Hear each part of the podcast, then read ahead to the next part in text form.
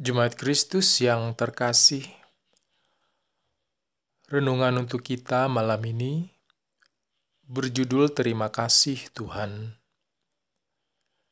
Dan bacaan kita diambil dari kitab Yohanes 11 ayat 40 sampai 44. Beginilah firman Tuhan. Jawab Yesus, Bukankah sudah kukatakan kepadamu, jikalau engkau percaya, engkau akan melihat kemuliaan Allah? Maka mereka mengangkat batu itu. Lalu Yesus menengadah ke atas dan berkata, Bapa, aku mengucap syukur kepadamu karena engkau telah mendengarkan aku. Aku tahu bahwa engkau selalu mendengarkan aku. Tetapi oleh karena orang banyak yang berdiri di sini mengelilingi aku, aku mengatakannya, supaya mereka percaya bahwa engkaulah yang telah mengutus aku. Dan sesudah berkata demikian, berserulah ia dengan suara keras, "Lazarus, marilah keluar." Orang yang telah mati itu datang keluar.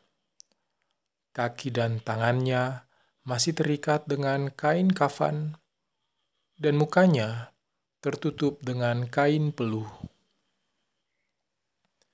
Kata Yesus kepada mereka, bukalah kain-kain itu dan biarkan ia pergi. Ketika keadaan baik, mudah bagi kita bersyukur kepada Tuhan. Tapi ketika dihadapkan pada kondisi yang tidak enak, masihkah kita bisa bersyukur kepadanya? Yesus beberapa kali dihadapkan pada kondisi yang sulit tapi saat itu dia malah bersyukur. Salah satu contohnya adalah ketika dia hendak membangkitkan Lazarus.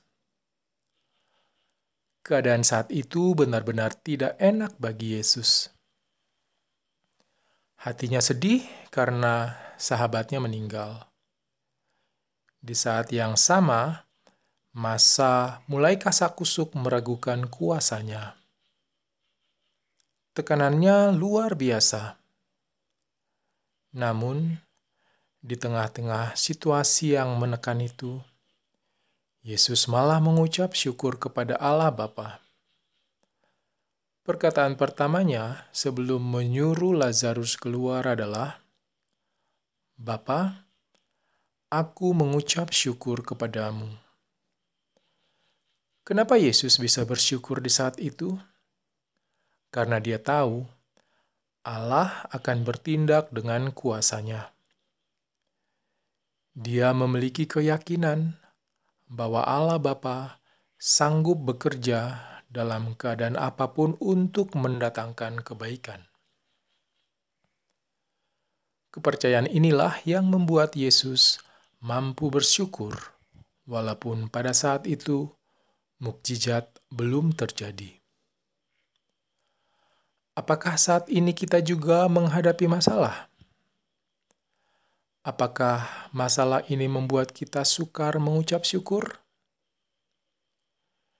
Jangan salah, kita tidak mensyukuri masalahnya, tapi kita mensyukuri peran Allah dalam masalah yang kita alami. Sekalipun saat itu sepertinya belum ada jalan keluar. Ucapan syukur tidak akan membuat kita serta-merta mendapat mukjizat, tetapi setidaknya bisa membuat iman kita tetap kuat menantikan jawaban dari Tuhan. Bersyukurlah bukan karena masalahnya, tapi karena Allah akan bekerja dalam masalah kita.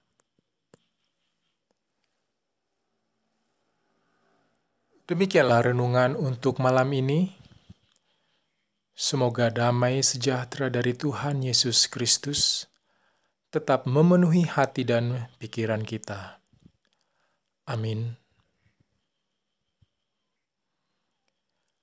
Jemaat yang terkasih, marilah kita bersatu hati menaikkan pokok-pokok doa yang ada dalam gerakan doa 21 GKI Sarwa Indah. Mari kita berdoa.